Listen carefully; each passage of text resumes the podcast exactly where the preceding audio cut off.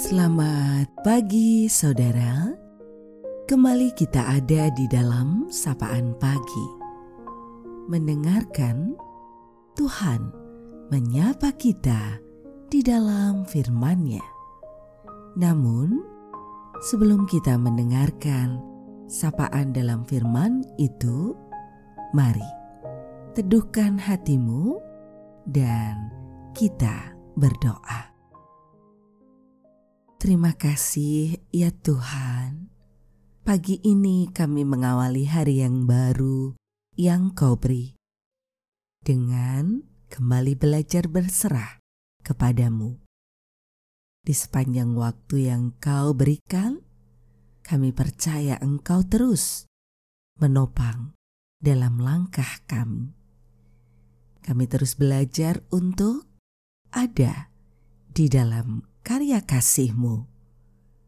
Kami berserah di dalam Engkau, Tuhan Yesus Kristus. Amin. Saudaraku, sapaan dalam firman-Nya pada saat ini kita terima melalui Injil Lukas pada pasalnya yang ke-16 di ayat 10.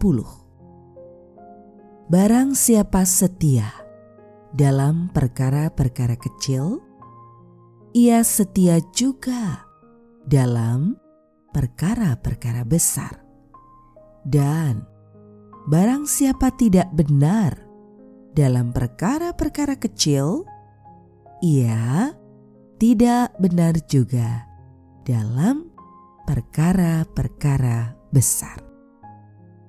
Kita akan refleksikan dalam tema setia dalam perkara kecil. Sukses butuh proses, sebab itu setialah dalam perkara-perkara kecil yang sedang dikerjakan. Ingat, hal-hal kecil yang dikerjakan dengan setia dan sabar akan menghantarkan kepada keberhasilan besar. Jangan kecil hati dengan apa yang kita miliki saat ini, sebab untuk menempuh perjalanan jauh, seseorang harus memulai dari sebuah langkah kecil.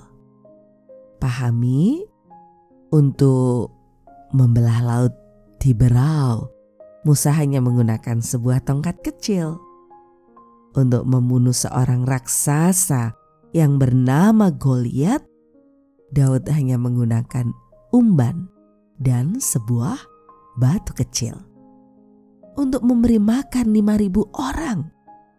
Tuhan Yesus hanya memerlukan lima roti dan dua ekor ikan kecil. Jadi, setialah dengan perkara-perkara kecil, karena untuk dipercaya pada perkara-perkara besar diawali dengan kepercayaan pada perkara-perkara yang kecil itu.